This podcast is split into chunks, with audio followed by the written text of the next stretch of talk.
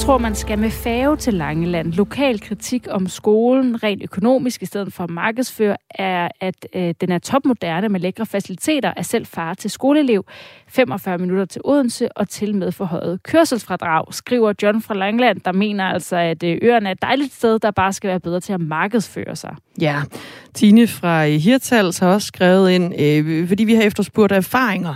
Vi har efterspurgt, om nogen af jer, der lytter med, om du for eksempel har overvejet at flytte til en af de øh, mindre øer i Danmark. Hvorfor? Hvorfor ikke? Hvorfor blev det ikke til noget? For eksempel øh, Tine fra Hirtals. Hun skriver, vi var ved at kigge efter hus på Læsø, men da vi fandt ud af, at regeringen ville ødelægge området med deres naturnationalpark, så droppede vi hurtigt det ønske igen, skriver hun ind. Du kan altså også uh, sende sms'er ind på den side af historien. Vi vil også rigtig gerne høre fra dig, hvis ja, du har truffet beslutningen om at drage ud på en af de små øer, og hvorfor egentlig det. Lige om lidt, så fortsætter vi øh, historien. Og det er altså fordi, at der er flere danskere, der skal have bopæl på en dansk ø, af et øh, forslag fra et udvalg i Folketinget. Vi skal tale med formand for udvalget lige om lidt, og bagefter der skal vi tale med en øh, øh professor i nationaløkonomi, Michael Svare, som øh, mener, at, øh, at det, det her, hvad hedder det, vi oplever med øh, hurtig øh, løsning under coronakrisen, kan være noget, man skal være lidt påpasselig med. Nu har vi jo fået en varmesjek, vi kan som pendlere se frem til flere penge i befordringsfradrag, og regeringen ønsker også at sende penge til pensionisterne, som er presset økonomisk af de stigende priser. De danske politikere har, ligesom vi også oplevede under coronakrisen, været hurtigt til at give økonomisk håndsrækning til danskerne her på grund af krigen i Ukraine. Det skal vi have mere om om 10 minutter. Om befordringsfradraget er der en, øh, der skriver her, som pensionist uden ældrecheck stiger priserne lige så meget som hos alle andre. Så må man sætte tæring efter næring. Rømøboerne må flytte tættere på deres arbejdsplads. Har aldrig selv fået befordringsfradrag. Cyklet på arbejde.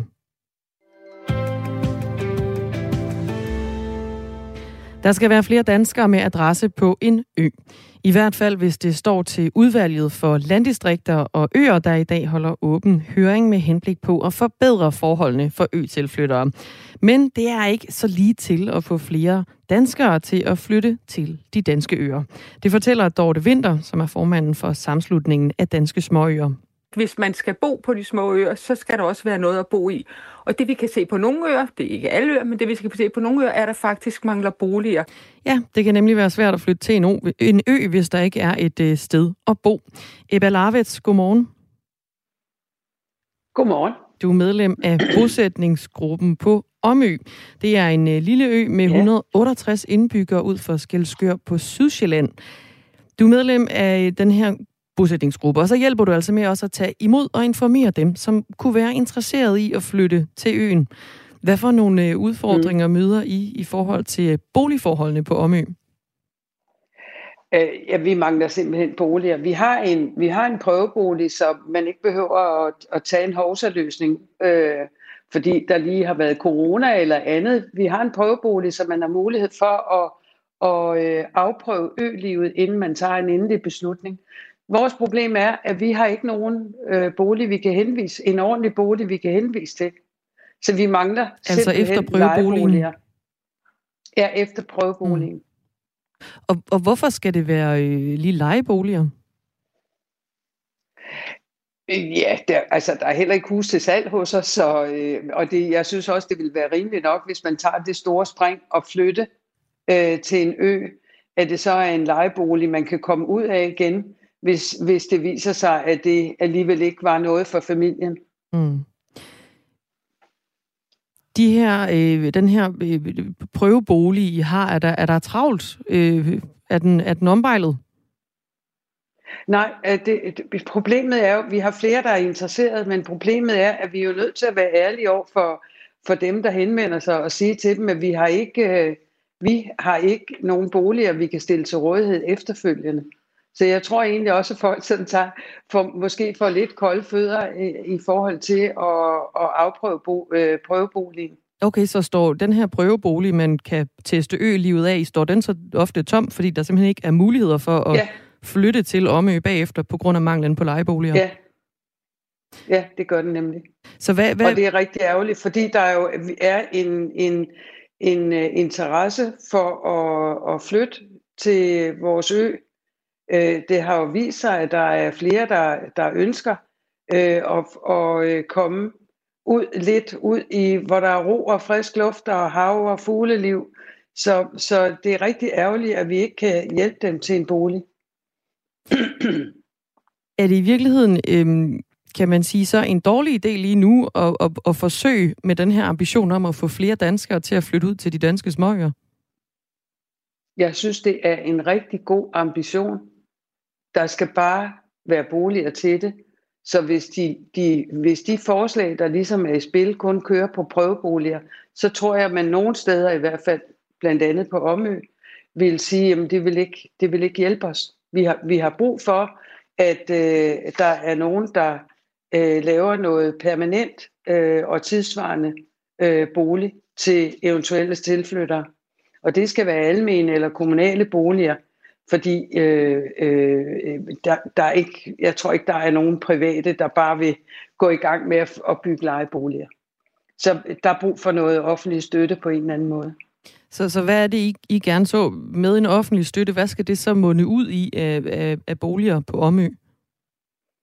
Altså antal, tænker du på? Ja, for at det kan hænge sammen, og for at, ja, at I ja, synes, det her ja. det er løst.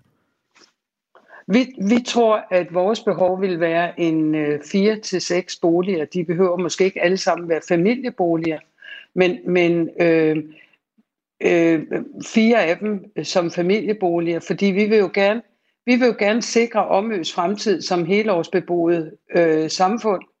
Øh, og derfor vil vi gerne tiltrække øh, især børnefamilier, øh, sådan at der kommer flere til dagplejen, flere børn til skolen, flere kunder i butikken og flere til øh, kunder på færgen, så man kan holde øh, hele øen i gang. Hvorfor er det væsentligt at sikre er, Omø som en, en helårsbeboet ø? Ja, vi er jo nogen, der bor der, der gerne vil, vil kunne fortsætte med at, at bo der, og forudsætningen for, at man kan fortsætte med at bo der, det er jo, at der er at uh, hele samfundet kan køre, at der er en dagligvarerbutik, der kan køre rundt, og, og øh, at der er en færge, der sejler frem og tilbage, så man kan passe sit arbejde, både på fastlandet, men også øh, eventuelt passe sit arbejde øh, hjemmefra. Vi har fibernet over det hele, så det vil jo være, det vil være fint.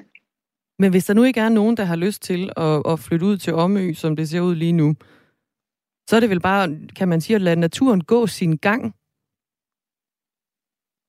Så vil det være ensbetydende med, at om, hvis vi lod naturen gå sin gang, vil det være ensbetydende med, at Omø vil blive en pensionistø.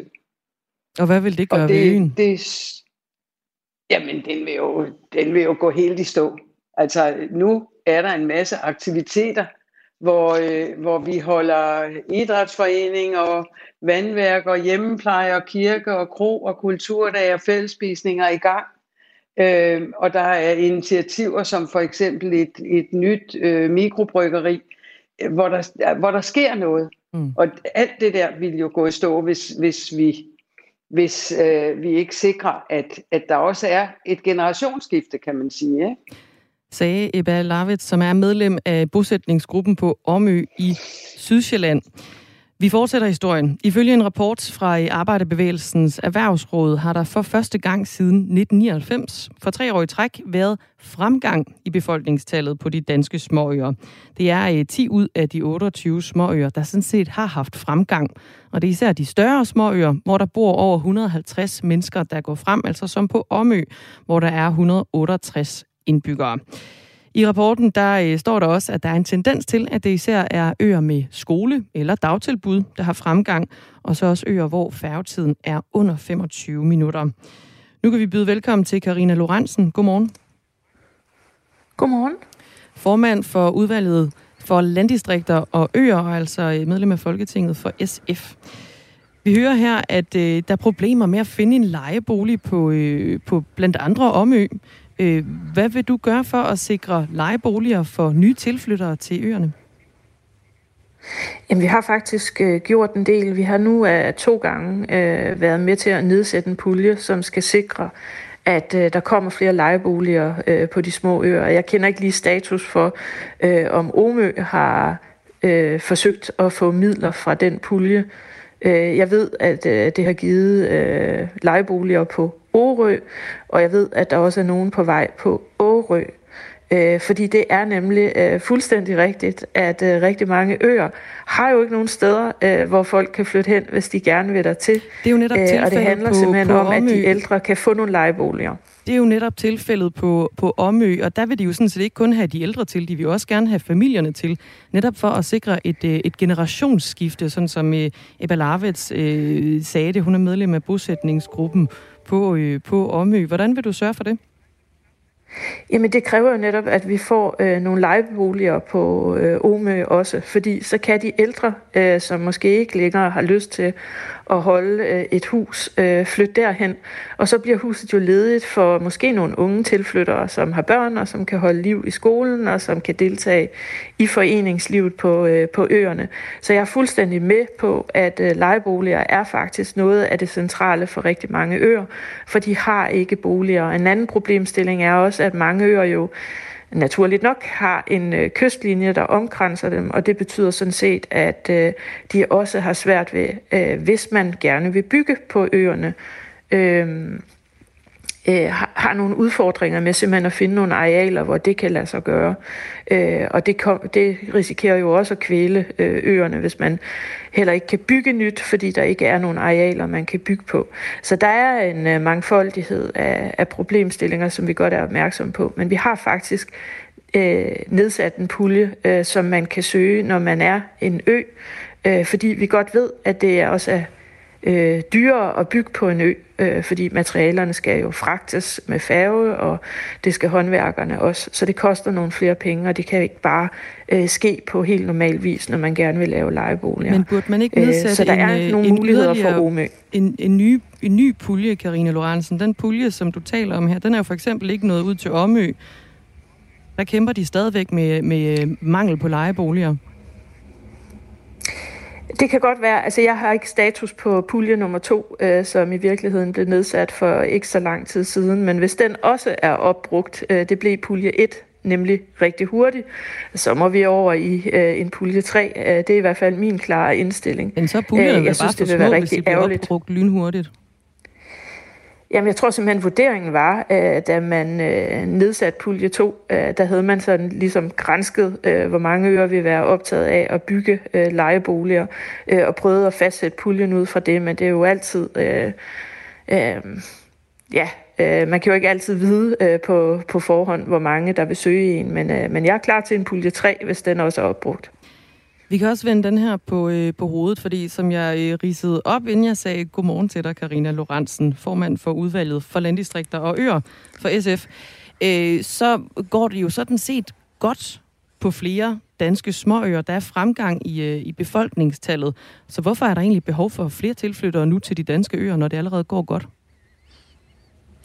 Jeg tror, rigtig mange øer har jo øh, været udfordret øh, over en årrække, øh, og Øh, mange af beboerne er jo blevet ældre og ældre, øh, og der skal jo ligesom øh, nye børn til, hvis man for eksempel skal holde øh, liv i en skole, hvis man er så heldig at have sådan en. Men det betyder også noget for antallet af færgeafgange. Øh, det betyder noget for butikken, øh, som vi hørte tidligere i indslaget. Så det vil være rigtig øh, ærgerligt, hvis vi ikke udnytter det momentum, at der nu er en stigende interesse for at flytte øh, til øerne. Men der skal jo være nogle boliger, og derfor så har vi en opgave i øh, politisk at sørge for, at der kan blive bygget for eksempel lejeboliger øh, på øerne. Så det er det primære, der skal gøres for, at det bliver mere attraktivt at flytte til en ø, set med dine briller på? Jamen, jeg tror, der vil være en mangfoldighed af ting, som man skal være opmærksom på. Altså, færgerne betyder jo også noget. Øh, færgetiden, øh, antallet af afgange, øh, priserne øh, betyder noget øh, i forhold til, hvis der også er, øh, hvad kan man sige, virksomheder øh, på øen, som lever af turister og dermed holder gang i nogle arbejdspladser. Det er en mangfoldighed af ting, der skal til, men tilflytning kan jo først og fremmest foregå punkt 1. Hvis det er muligt at få et realkreditlån, det er vi ved at løse lige nu, fordi der er et lovforslag, øh, der er øh, på vej igennem Folketinget, som endelig skal tage hånd om den udfordring, at det har været svært at få, øh, hvis man bor i et landdistrikt eller på en ø. Og så lejeboligerne, øh, hvor vi er to gange har nedsat en pulje penge, fordi vi ved, at det er dyrere at bygge på en ø, Det koster simpelthen mere, fordi materialerne skal fragtes med en færge, og du skal også have håndværkerne den vej, så der er nogle ekstra omkostninger. Så vi er meget opmærksomme på øh, problemstillingerne på øerne, men vi er selvfølgelig ikke i mål endnu. Carina og det er også et mix er vi så af forskellige initiativer, Hvor mange vi skal, tage. skal der bo på øerne i Danmark, før vi er i mål? Og før du er i tilfreds? Jamen, jeg tror ikke, vi skal sætte en målsætning på, men vi skal lægge nogle rammer, som gør, at øh, vi kan udnytte det momentum, at der endelig er god interesse for at flytte til øerne. Det betyder rigtig noget for de små lokalsamfund, der er derude. Det betyder noget for foreningslivet, for fællesskabet, for antallet af færgeafgangene, alt det, der holder liv i en ø. Sådan lød det fra Karina Lorentzen fra SF, som også er formand for udvalget for landdistrikter og øer. Klokken er 21 minutter over 8. Det her er Radio 4 morgen. Pendlerne kan se frem til flere penge i befordringsfradrag. En lang række danskere får en varmesjek på grund af de stigende energipriser. Og regeringen ønsker også at sende penge til pensionisterne, som er presset økonomisk af de stigende priser. De danske politikere har, ligesom vi også oplevede det under coronakrisen, været hurtige til at give økonomiske håndsrækninger til danskerne. Michael Svare, professor i nationaløkonomi på Aarhus Universitet. Godmorgen. Godmorgen. Du har selv omtalt den her økonomiske strategi, som staten lige nu agerer som danskernes forsikringsselskab. Og det er ikke øh, nødvendigvis sådan godt ment, altså at man understøtter danskernes økonomi hver gang, at øh, privatøkonomien øh, udfordres. Hvad er det, du mener med det? Jamen, det, det jeg mener, det er, at, at, at selvfølgelig er der en vigtig rolle for den offentlige sektor at spille, hvis økonomien er kommet ud af kurs og fundet rettet op igen. Og det, der så er vigtigt, det er, at man benytter sig af de rigtige instrumenter, altså de instrumenter, der hjælper på at få økonomien på ret kurs. Og det er ikke altid at give penge ud til folk, som er ramt af nogle udsving i økonomien. Der nogle gange, så er det så, så forværrer det faktisk krisen. Altså eksempelvis, hvis man giver rigtig mange penge ud i en situation, hvor det, der er problemet, det er, at der er for stor efterspørgsel, som er med til at trække priserne op, jamen så vil det være smartere, hvis man så at sige, sænkede efterspørgselen. Og så, så er dilemmaet, at man selvfølgelig gerne vil hjælpe øh, de personer, øh, som er hårdt ramt af stigende priser, og som har svært ved at reagere på det. Så, så det er ikke en let situation, men, men man skal dosere medicinen korrekt. Ja, det er altså i Avisen Danmark, du har kaldt øh, den øh, økonomiske strategi i Danmark for danskernes forsikringsselskab. Hvilke problemer ser du i den måde, som der bliver delt penge ud på lige nu?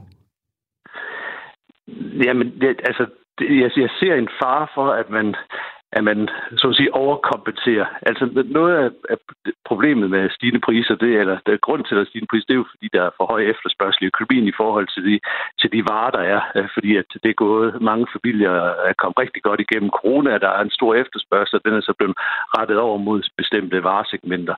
Og det er blandt andet det, der har trukket priserne op. Og så, og så det rammer så sammen med corona, det rammer sammen med krigen i Ukraine, og så, og så lige pludselig så er der nogen, der er påvirket det. Og så er spørgsmålet, hvordan skal man så håndtere håndtere den problemstilling økonomisk. Og det, som der bliver talt om nu, det er så, at man vil kompensere de personer, der er ramt af høje priser ved at give dem endnu flere penge.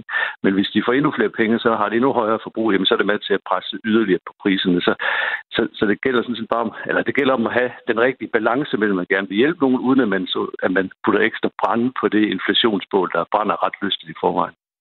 Ja, fordi altså, det, det, den teori, du ligesom lægger frem, det er, at hvis øh, priserne stiger, og vi får flere penge, så kan priserne på en eller anden måde holdes oppe, fordi vi bliver ved med at have råd til at betale for varerne, Præcis. for eksempel. Men hvad skulle man ellers gøre? Altså, vil der så ikke være nogle øh, grupper i landet, som lige pludselig ikke havde råd, og andre, der har? Jo, øh, og det er jo det, der er det, det forbandet, så at sige. Men, men men problemet er bare, at hvis man, hvis man kører den strategi, så risikerer man, at man ikke løser problemet, fordi så bliver priserne ved med at være høje. Så det, man skal gøre, det er, så kan man sige, okay, så kan man kompensere nogle grupper, men så må, så må det koste nogle andre steder. Altså, så kan man trække noget aktivitet ud af økonomien med den anden hånd, altså eksempelvis ved at have et lavere offentligt forbrug på andre områder. Så man sådan omjusterer sit forbrug, ligesom vi som husholdninger også gør nu, når priserne stiger. Jamen, så prøver vi at købe mindre af det, der er dyrt, og mere af det, der er knap så dyrt. Og så, og så tilpasser man økonomien, og det samme kan politikerne selvfølgelig også gøre, altså på at trække noget aktivitet ud af økonomien, og så må man så kompensere de grupper, man mener, det er, det er nødvendigt, og det, det, det er det selvfølgelig. Nogle grupper, der er hårdt ramt, så er det sådan et socialpolitisk øh, argument, men så prøve samtidig at undgå, at, at økonomien bliver, så at sige, for overophedet. Altså i forvejen, der kører dansk økonomi på, på et meget højt niveau så dybest set det, der er spørgsmål, det er om at få fokusere de hjælpepakker, man gerne vil have, lave her under øh, inflationssituationen, til nogle grupper, som, som, som virkelig har brug for det. Ja, for overordnet set, så er øh, økonomien i virkeligheden øh, ret god. Altså danskerne har generelt en, øh, altså en god økonomi. De har ikke særlig meget gæld og forholdsvis mange penge at gøre godt med. Hvorfor tror du, vi ser den her store velvillighed til at understøtte borgerne økonomisk? Jamen altså, øh, altså, først og fremmest er der selvfølgelig nu, hvor det er et reelt uh, problem, at man, man, man kan ikke mulighed for at hæve sin indkomst, og man har et meget stramt budget, og så bliver man meget hårdt ramt af de hårde priser, så det, det er selvfølgelig en helt reel problemstilling. Og så er det, at man siger, okay, hvor, hvor går grænsen så, hvem der har brug for hjælp? Og der, der, som vi også indledte med at sige, at vi lige kom igennem en coronasituation, hvor vi havde meget, meget lempelige hjælpepakker. Og det så ud til at gå rigtig godt. Altså, vi økonomien klarede sig igennem. Og så grunden til, at vi har det her meget høje priser, det er, fordi der, der, der økonomien kom så godt igennem, og der er meget, meget stor pres på, på stor del af økonomien på arbejdsmarkedet. Der er en meget højt uh, forbrugspotentiale i husholdningen, fordi man har haft en stor opsparing under corona. Så det gælder om på en eller anden måde at få balanceret de, uh, de problemstillinger. Som vi også nævnte i starten, så er det jo ikke nu her øh, udelukkende i kølvandet på krigen i Ukraine. Det er, som du også nævner, øh, under øh, coronanedlukningen, at der i øh, større omfang har været en hjælp i form af økonomiske hjælpepakker, der skulle understøtte danskernes økonomi. Som øh, almindelig person kan det godt være svært at forstå, hvor alle de her penge kommer fra. Altså det der med, når der så er en krise, jamen så er der pludselig penge til at hjælpe alle. Hvor lang tid kan man blive ved med i Danmark med at sådan dele penge ud, når der er krise? Jamen, altså, dybest set så har dansk, altså dansk økonomi er super sund, og det er den offentlige sektors økonomi også, så, så der er meget, meget dybe lommer, og det er også det, vi så øh, under corona, hvor man i løbet af meget kort tid øh, sådan set lånte 100 milliarder øh, på de finansielle markeder, så det er jo rigtig, rigtig mange penge. Så, så der er sådan set øh, Øh, meget langt til den grænse, hvor man siger, at nu kan staten ikke låne flere penge. Det, der er det øh, måske lidt mere vigtige spørgsmål, det er, hvad er, hvad, er, det, er det fornuftigt at låne penge, eller er det fornuftigt at lade for eksempel den her inflationssituation klare sig selv. Altså de fleste, og det er klart, det er usikkert, de fleste forventer, at, at inflationen begynder at aftage igen her i løbet af et halvt til et helt år, og at vi kommer tilbage til, til sådan en normal inflationsniveau. Og hvis vi gør det om et år, jamen så er spørgsmålet om, skal vi så ikke så at sige, bare lade tiden gå, og så kan vi hjælpe de allermest nødlidte, og så, og så undgå at lave for meget ballade i økonomien. Jeg taler med Michael Svare, som er professor i nationaløkonomi på Aarhus Universitet, der lige løfter en advarende finger mod alle de penge, der bliver brugt øh, fra øh, regeringens side af. Altså, der bliver både øh, sendt flere penge i befordringsfradrag, øh, varmesjek, der sendes også penge til pensionisterne, som er presset økonomisk af de stigende priser, øh, hvor at øh, de her hjælpepakker på sigt faktisk godt kan komme til at få den omvendte effekt, nemlig at øh, sørge for at holde priserne oppe. Og Michael Svare, du får lige nogle sms'er med på vejen, fordi der er nogle øh, analyser her fra nogle af lytterne, der skriver på 1424. Inger skriver, at hjælpepakker i virkeligheden ikke valgflæsk. Og Jon skriver, mener nationaløkonomen, at der ikke er tale om et udbudschok, politisk skabt, som puster til inflationen. Jeg ser støtteordningerne som bestikkelse fra politikerne, der selv er skyld i problemerne. Jamen altså, der, ja, de fleste politikere, de mener det formentlig rigtig godt, at de gerne vil hjælpe nogle personer, der er i nød, og det, det er, der er jo nogen, der er meget hårdt ramt. Og det, der så er balancegangen, det er altså prøve at hjælpe de personer, hvor der virkelig er et reelt behov, uden at skubbe mere til, til, til brændet. Og, og det er en svær balancegang, og, og der skal bare være opmærksom på, jo mere man, man plusser på, jo mere mindre øh, sandsynligt er det, at man løser det reelle problem, der er. Så, Men så vi er okay, som vi er nu i forhold til balancen? Nej, det er vi jo ikke. Altså, vi har jo alt for høj inflation, og inflationen skal ned. Øh, og så er spørgsmålet, hvad er det bedste instrument? Og et, et instrument, der spytter for mange penge ud i økonomien, det er ikke et særligt godt instrument. Sådan sagde Michael Svare, professor i nationaløkonomi på Aarhus Universitet. Alle de nødpuljer og småslatter, politikerne sender ud, bidrager til at skabe splid og utilfredshed. En underlig, ugennemsigtig politisk kurs. Sådan lyder analysen fra Anne Vibeke på 1424. Tak for sms'erne. De er velkomne hele vejen igennem programmet, og vi sender altså stadigvæk en halv time endnu. I Radio 4 Morgenstudie i dag sidder Astrid Date. Jeg selv hedder Dagmar Eben Østergaard. Og øh, vi er tilbage om fire minutter, fordi vi skal lige give plads til Thomas Sand. Han har nemlig nyhederne her til morgen. Klokken er halv ni.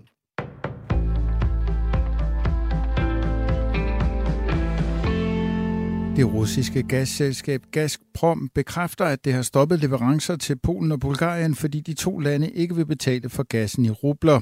Gazprom siger, at forsyningerne først vil blive genoptaget, når de to EU-lande indvilger i kravet om at betale for gassen i rubler. Den russiske regering har truet med at lukke for gassen til det øvrige EU. Her har europæerne fastholdt, at man har indgået kontrakter med Gazprom om betaling i euro og dollar. Ruslands krav om betaling i rubler skal være med til at understøtte den russiske valuta på et tidspunkt, hvor der er rettet hårde sanktioner mod landet for invasionen i Ukraine. Kriminelle, som udvises af Danmark, skal efter planen afzone i et fængsel i Kosovo i stedet for på dansk jord. Og nu har justitsminister Nick Hækkerup så underskrevet en traktat om, at Danmark kan lege 300 pladser i et fængsel i Kosovo. En aftale, han selv kalder banebrydende. Jeg synes, det er aldeles fremragende, at vi kan få skidt mod så hurtigt som muligt. Herunder starte med de afsoner i udlandet, så vi ser deres hæl i stedet for deres tog. Forventningen er, at vi kan være på plads med det praktiske i første kvartal af 2023, siger Hækkerup. Selvom de indsatte vil opholde sig langt fra dansk jord, har de ret til at afzone under forhold, der svarer til forholdene i danske fængsler. Derfor skal fængslet i det sydøstlige Kosovo ombygges, så det bliver tilpasset danske standarder, og de kosovoske myndigheder skal overholde Danmarks internationale forpligtelser, når de indsatte er i deres varetægt. En domstol i Myanmar har fundet den afsatte leder af landet Aung San Suu Kyi skyldig i korruption og har idømt hende fem års fængsel. Det fortæller unavgivende kilder med viden om domsafsigelsen til nyhedsbrugerne AFP og Reuters. Sagen, som Suu Kyi er blevet dømt i, er blot en af i alt 13 anklager om korruption.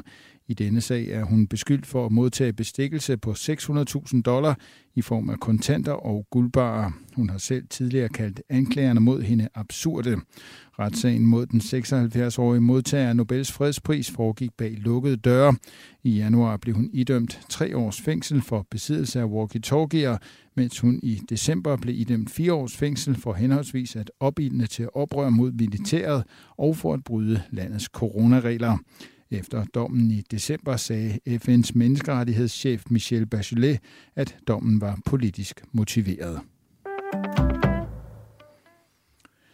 Efter at coronapandemien gav en stor nedgang i turistovernatninger i 2020, er det igen gået den rette vej i 2021. Der er dog stadig et stykke op til niveauet fra i 2019, det viser en opgørelse fra Danmarks Statistik. I 2021 har der i alt været flere end 52 millioner overnatninger på de kommercielle overnatningssteder i Danmark. Det er eksempelvis feriehuse og hoteller. Antallet svarer til en fremgang på 16 procent i forhold til 2020, hvor der på grund af coronapandemien var en stor mangel på udenlandske turister. Sammenligner man med niveauet i 2021, sammenligner man med niveauet i 2021 med niveauet i 2019, altså året før corona, er der stadig lidt at indhente. I 2019 var der 57 millioner overnatninger. Det er 8 procent flere, end der var i 2021. Dagen i dag byder på nogen eller en del sol, men i løbet af dagen stedvis flere skyer og fra middag eller i løbet af eftermiddagen lokale byer. Vi får temperaturer op mellem 10 og 15 grader ved kyster med pålandsvind køligere. I nat tørt og mest klart vejr, bortset fra stedvis tåge og nattetemperaturer ned mellem frysepunktet og 5 graders varme. Nyhederne på Radio 4 var med Thomas Sand.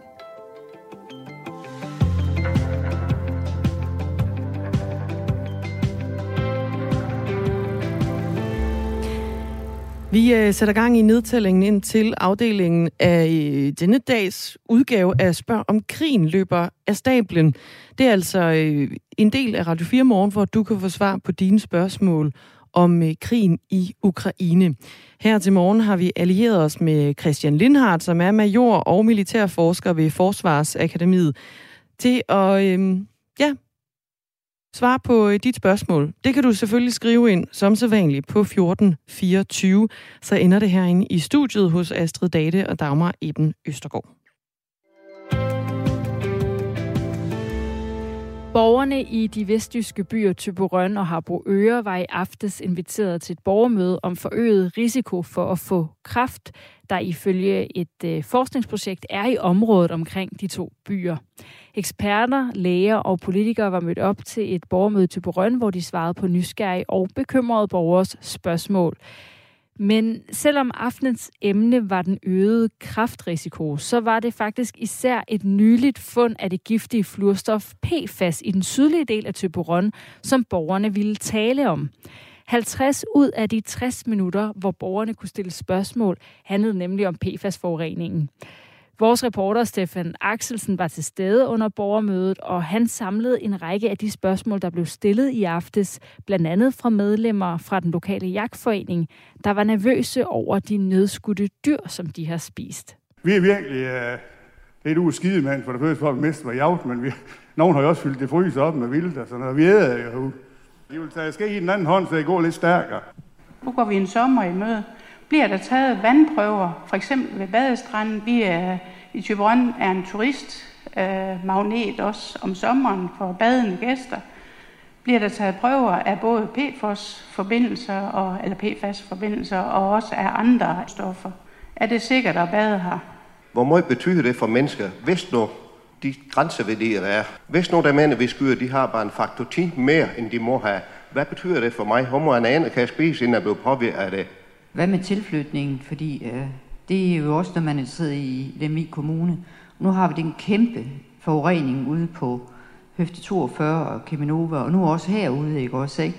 Det bliver svært at sælge herude. Har du tænkt dig at sende grundskylden ned herude, så det er nemmere at sælge sit hus, og det kunne være mere spændende for folk at flytte herud, fordi det er billige boliger, eller hvordan har du med det? Har amtet, skråstrej regionen, de må jo have vidende om, hvor de har givet tilladelse til deponi af PFAS, da det blev forbudt for eksempel. Så må det være en smal sag at undersøge, hvor man har sat det. Hvis jeg får kræft om fem år, hvorfor en statistik ryger jeg på? Borgmester i Lemvig Kommune, hvor Typerøn og Harboøre ligger, er Erik Flyvholm fra Venstre, som måtte svare på de mange PFAS-spørgsmål. Godmorgen, Erik Flyvholm. Godmorgen. PFAS-forurening i Typerøn endte altså med at tage dagsordenen på gårdsdagens borgermøde. Kom det bag på dig? Nej, det gjorde det egentlig ikke. Jeg bor selv ude på Harboøre Tangen, så jeg øh, deler jo sådan set den bekymring, der er.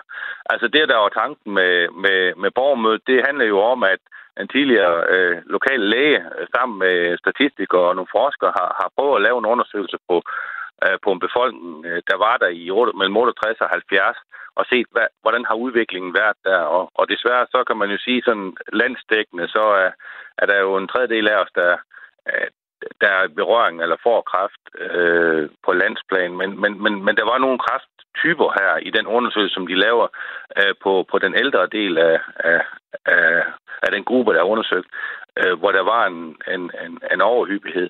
Og det er jo selvfølgelig det, vi som, som borgere har spurgt ind til. Kan der være nogle sammenhæng, og hvad er næste step i det? Og det var egentlig det, mødet skulle handle om sammen med regionen. Og så er klart, når når der dukker øh, PFAS op, som man finder i forbindelse med, at man, man tjekker et sted, hvor der har været en gammel losseplads, det er man jo i gang med rigtig mange steder, og man finder det, øh, hvis jeg forstår det, rigtig mange steder. Øh, så er det jo en, en ny viden, der dukker op i mellemtiden. Øh, det her møde skulle vi jo have haft i, faktisk tilbage i, i december, havde vi aftalt det. Så, så nej, det overrasker mig ikke. Øh, os, der bor der, det er først, vi spørger os selv om, det er selvfølgelig, kan der være en sammenhæng imellem de typer øh, kræft, som er, er lidt hyppigere her ved os, øh, og så øh, de nye fund. Og det er, det er der ikke rigtig nogen, der, der kan svare positivt på, at, at der er. Men det er klart, at det er en bekymring, som er hos os, der bor der. Spørgsmålet om øh, den øh, øgede øh, risiko, der kan være for borgerne i forhold til at få kræft, baseret på en undersøgelse i slutningen af øh, ja, øh, 60 og 68, der, hvad hedder det, det, det var egentlig det, som det her møde skulle have handlet om. Men det ender altså med at handle om et nyt fund af PFAS-forurening, og der er, som du siger, flere fund. Efter PFAS-forurening i Korsør valgte danske, danske regioner at lave en kortlægning over alle landets brandskoler, som skulle undersøges nærmere for PFAS-forurening.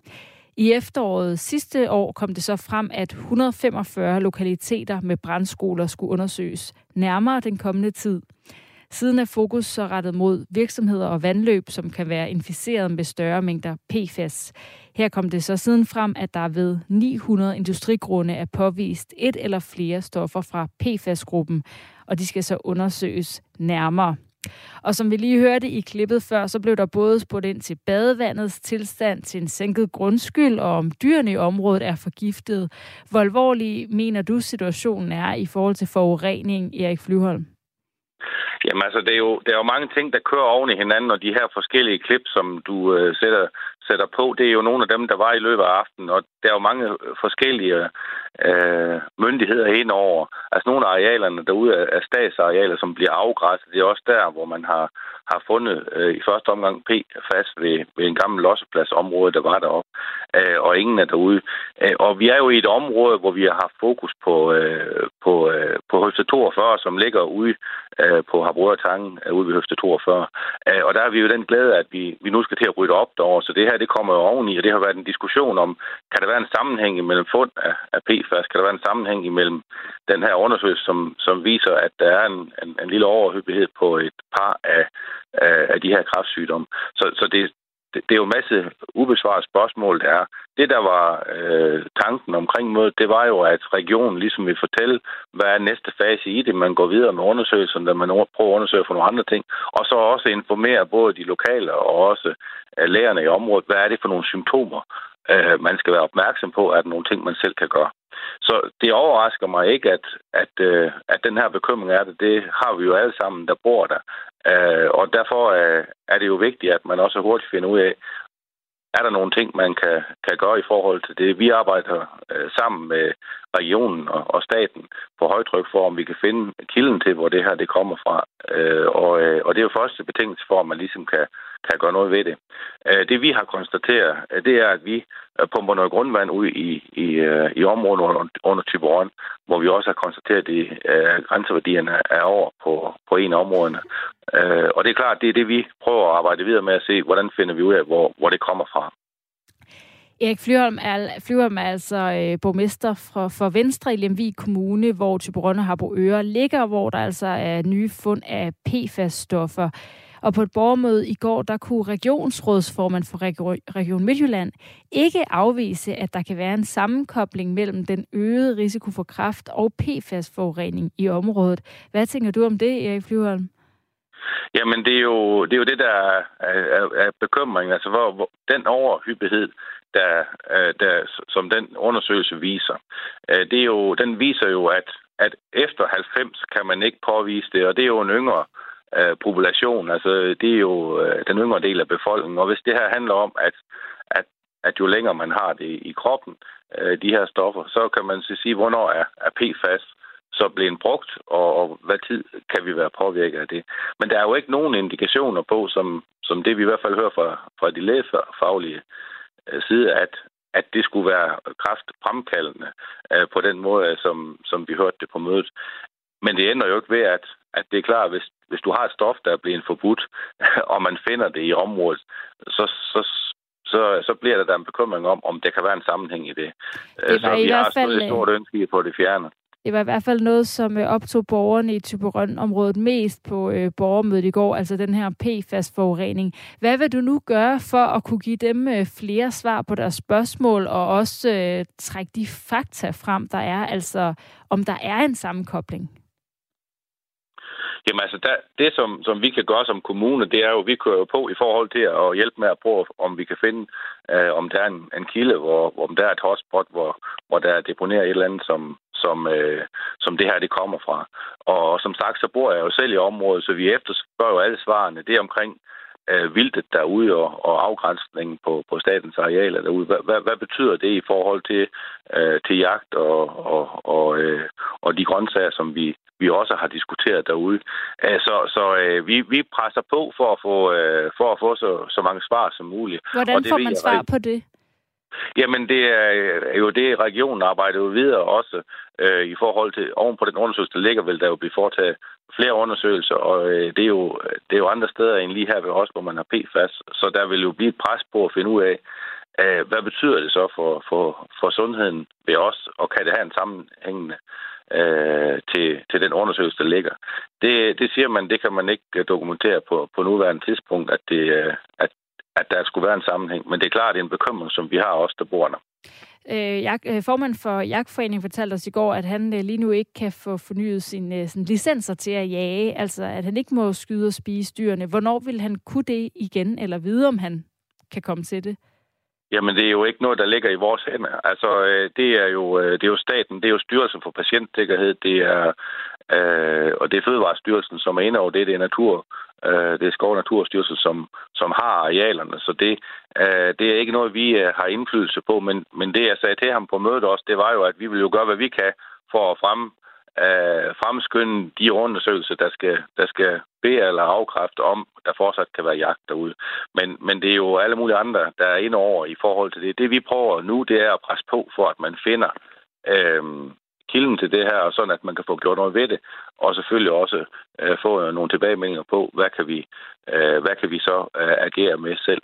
Men i forhold til undersøgelsen her, så er de kræftforekomster, der er, det handler jo selvfølgelig også om, at vi er opmærksom på de symptomer, der måtte kunne være i forhold til det, sådan at man, man kan få det behandlet, hvis man skulle være, være så uheldig at, og, øh, at være i den gruppe.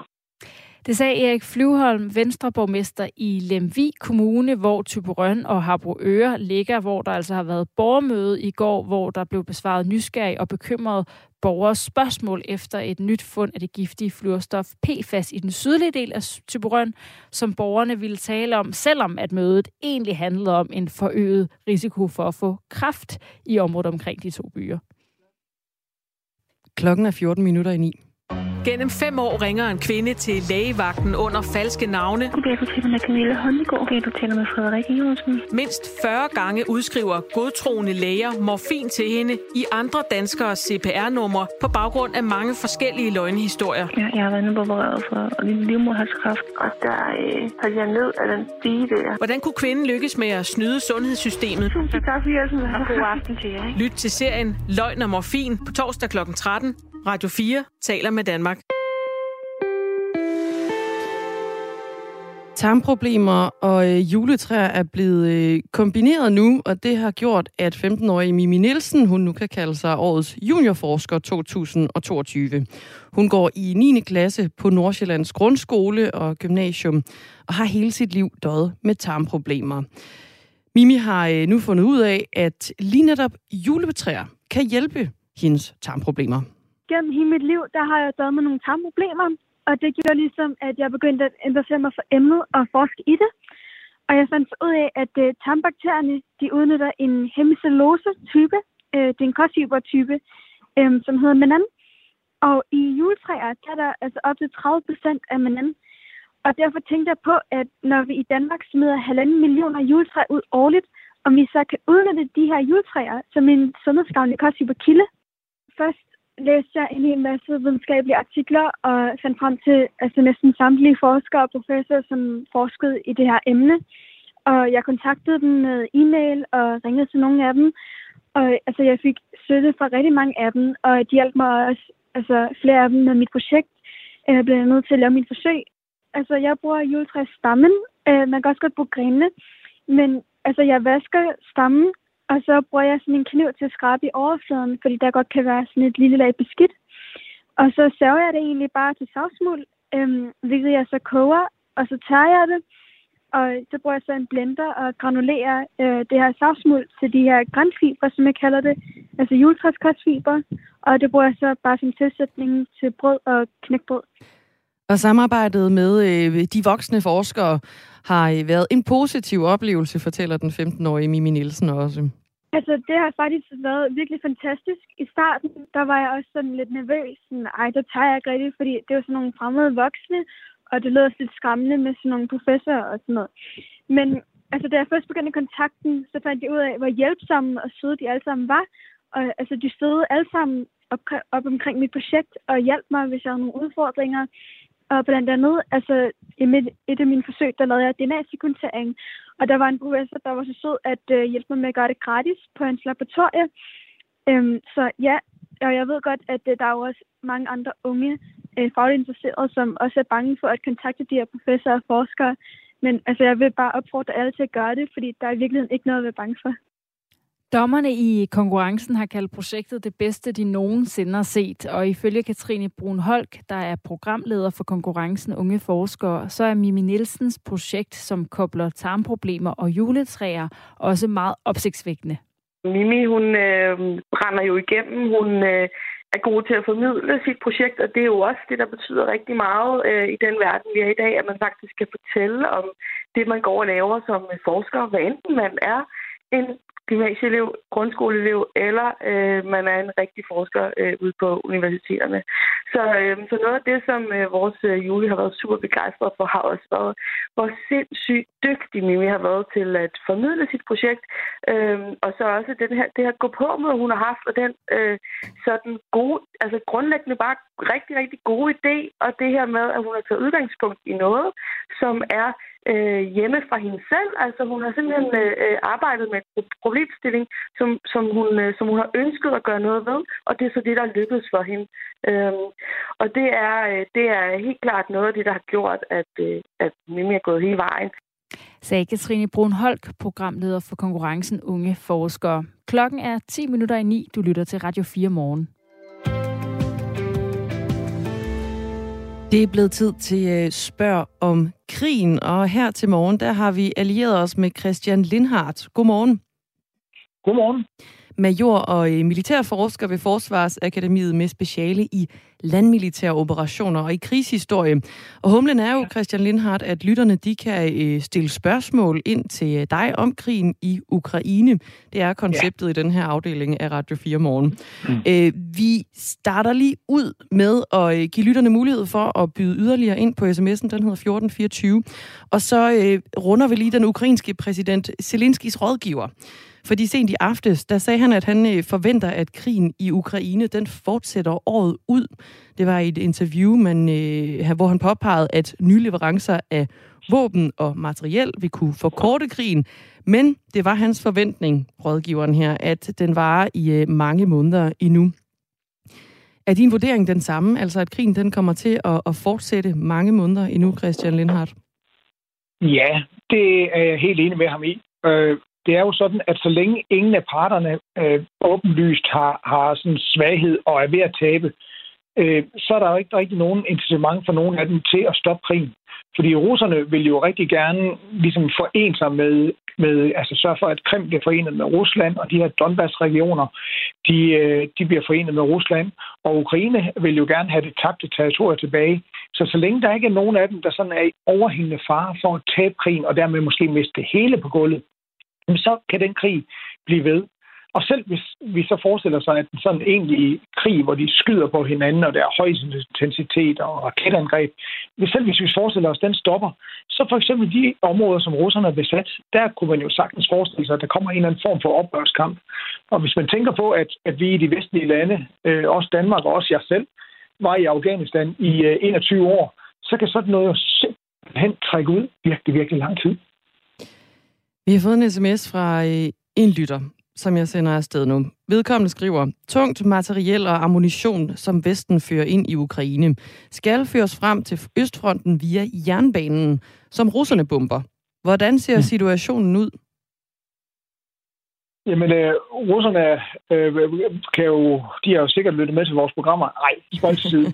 Russerne er jo klar over, at den massive våbenhjælp, der kommer fra Vesten, og den er altså efterhånden virkelig, virkelig massiv, og den bliver bare større og større.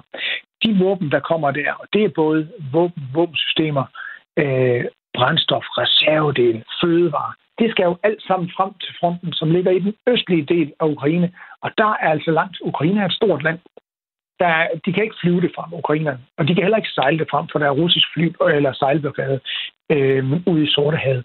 Så det skal altså frem enten med konvojer på motorveje eller via jernbanenettet.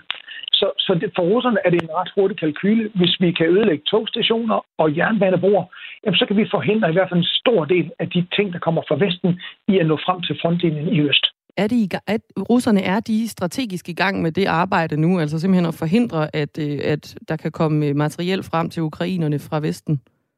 Ja, det er de i allerhøjeste grad. Det er efterhånden ved at være i hvert fald en måned siden, vi hørte om de første bombardementer omkring den store by, der hedder Lviv, som ligger ret tæt på den polske grænse. Og øh, noget af det, de har ramt i Lviv, det er netop, øh, hvad hedder det, togstationer og sådan nogle rangerspor og, og, og øh, de steder, hvor togene ligesom kommer ind, og så får man øh, byttet øh, øh varerne om fra den, øh, eventuelt fra lastbil til tog, eller fra tog til lastbil. Så det har russerne efterhånden bumpet i lang tid. Og hvis vi så kigger lidt længere østpå i Ukraine, så er der den sådan meget, meget stor flod, det Dnepr, der er der specielt to steder, hvor russerne har bunket virkelig øh, intensivt på, på jernbanebroer og jernbanenet. Og det er simpelthen for at forhindre tingene i at flyde over til øh, fronten. Russerne, der er en her, der siger, øh, har russerne ikke så stor en her, så de bare kan sende for eksempel 100.000 ekstra tropper til Ukraine? Jeg troede, Ruslands her talmæssigt var øh, meget stor. Det kan også sige noget om, øh, hvor lang tid krigen den kan fortsætte det her. Mm. Det er jo fuldstændig rigtigt. Hvis russerne mobiliserer og indsætter alt, så, øh, så kan de jo simpelthen oversvømme Ukraine med soldater, fordi russerne kan jo mobilisere over en million soldater. Og de kan højst sandsynligt også bevæbne dem nok med sådan lidt ældre materiel, men det er stadigvæk, det er stadigvæk dødbringende, og det vil stadigvæk være overvældende.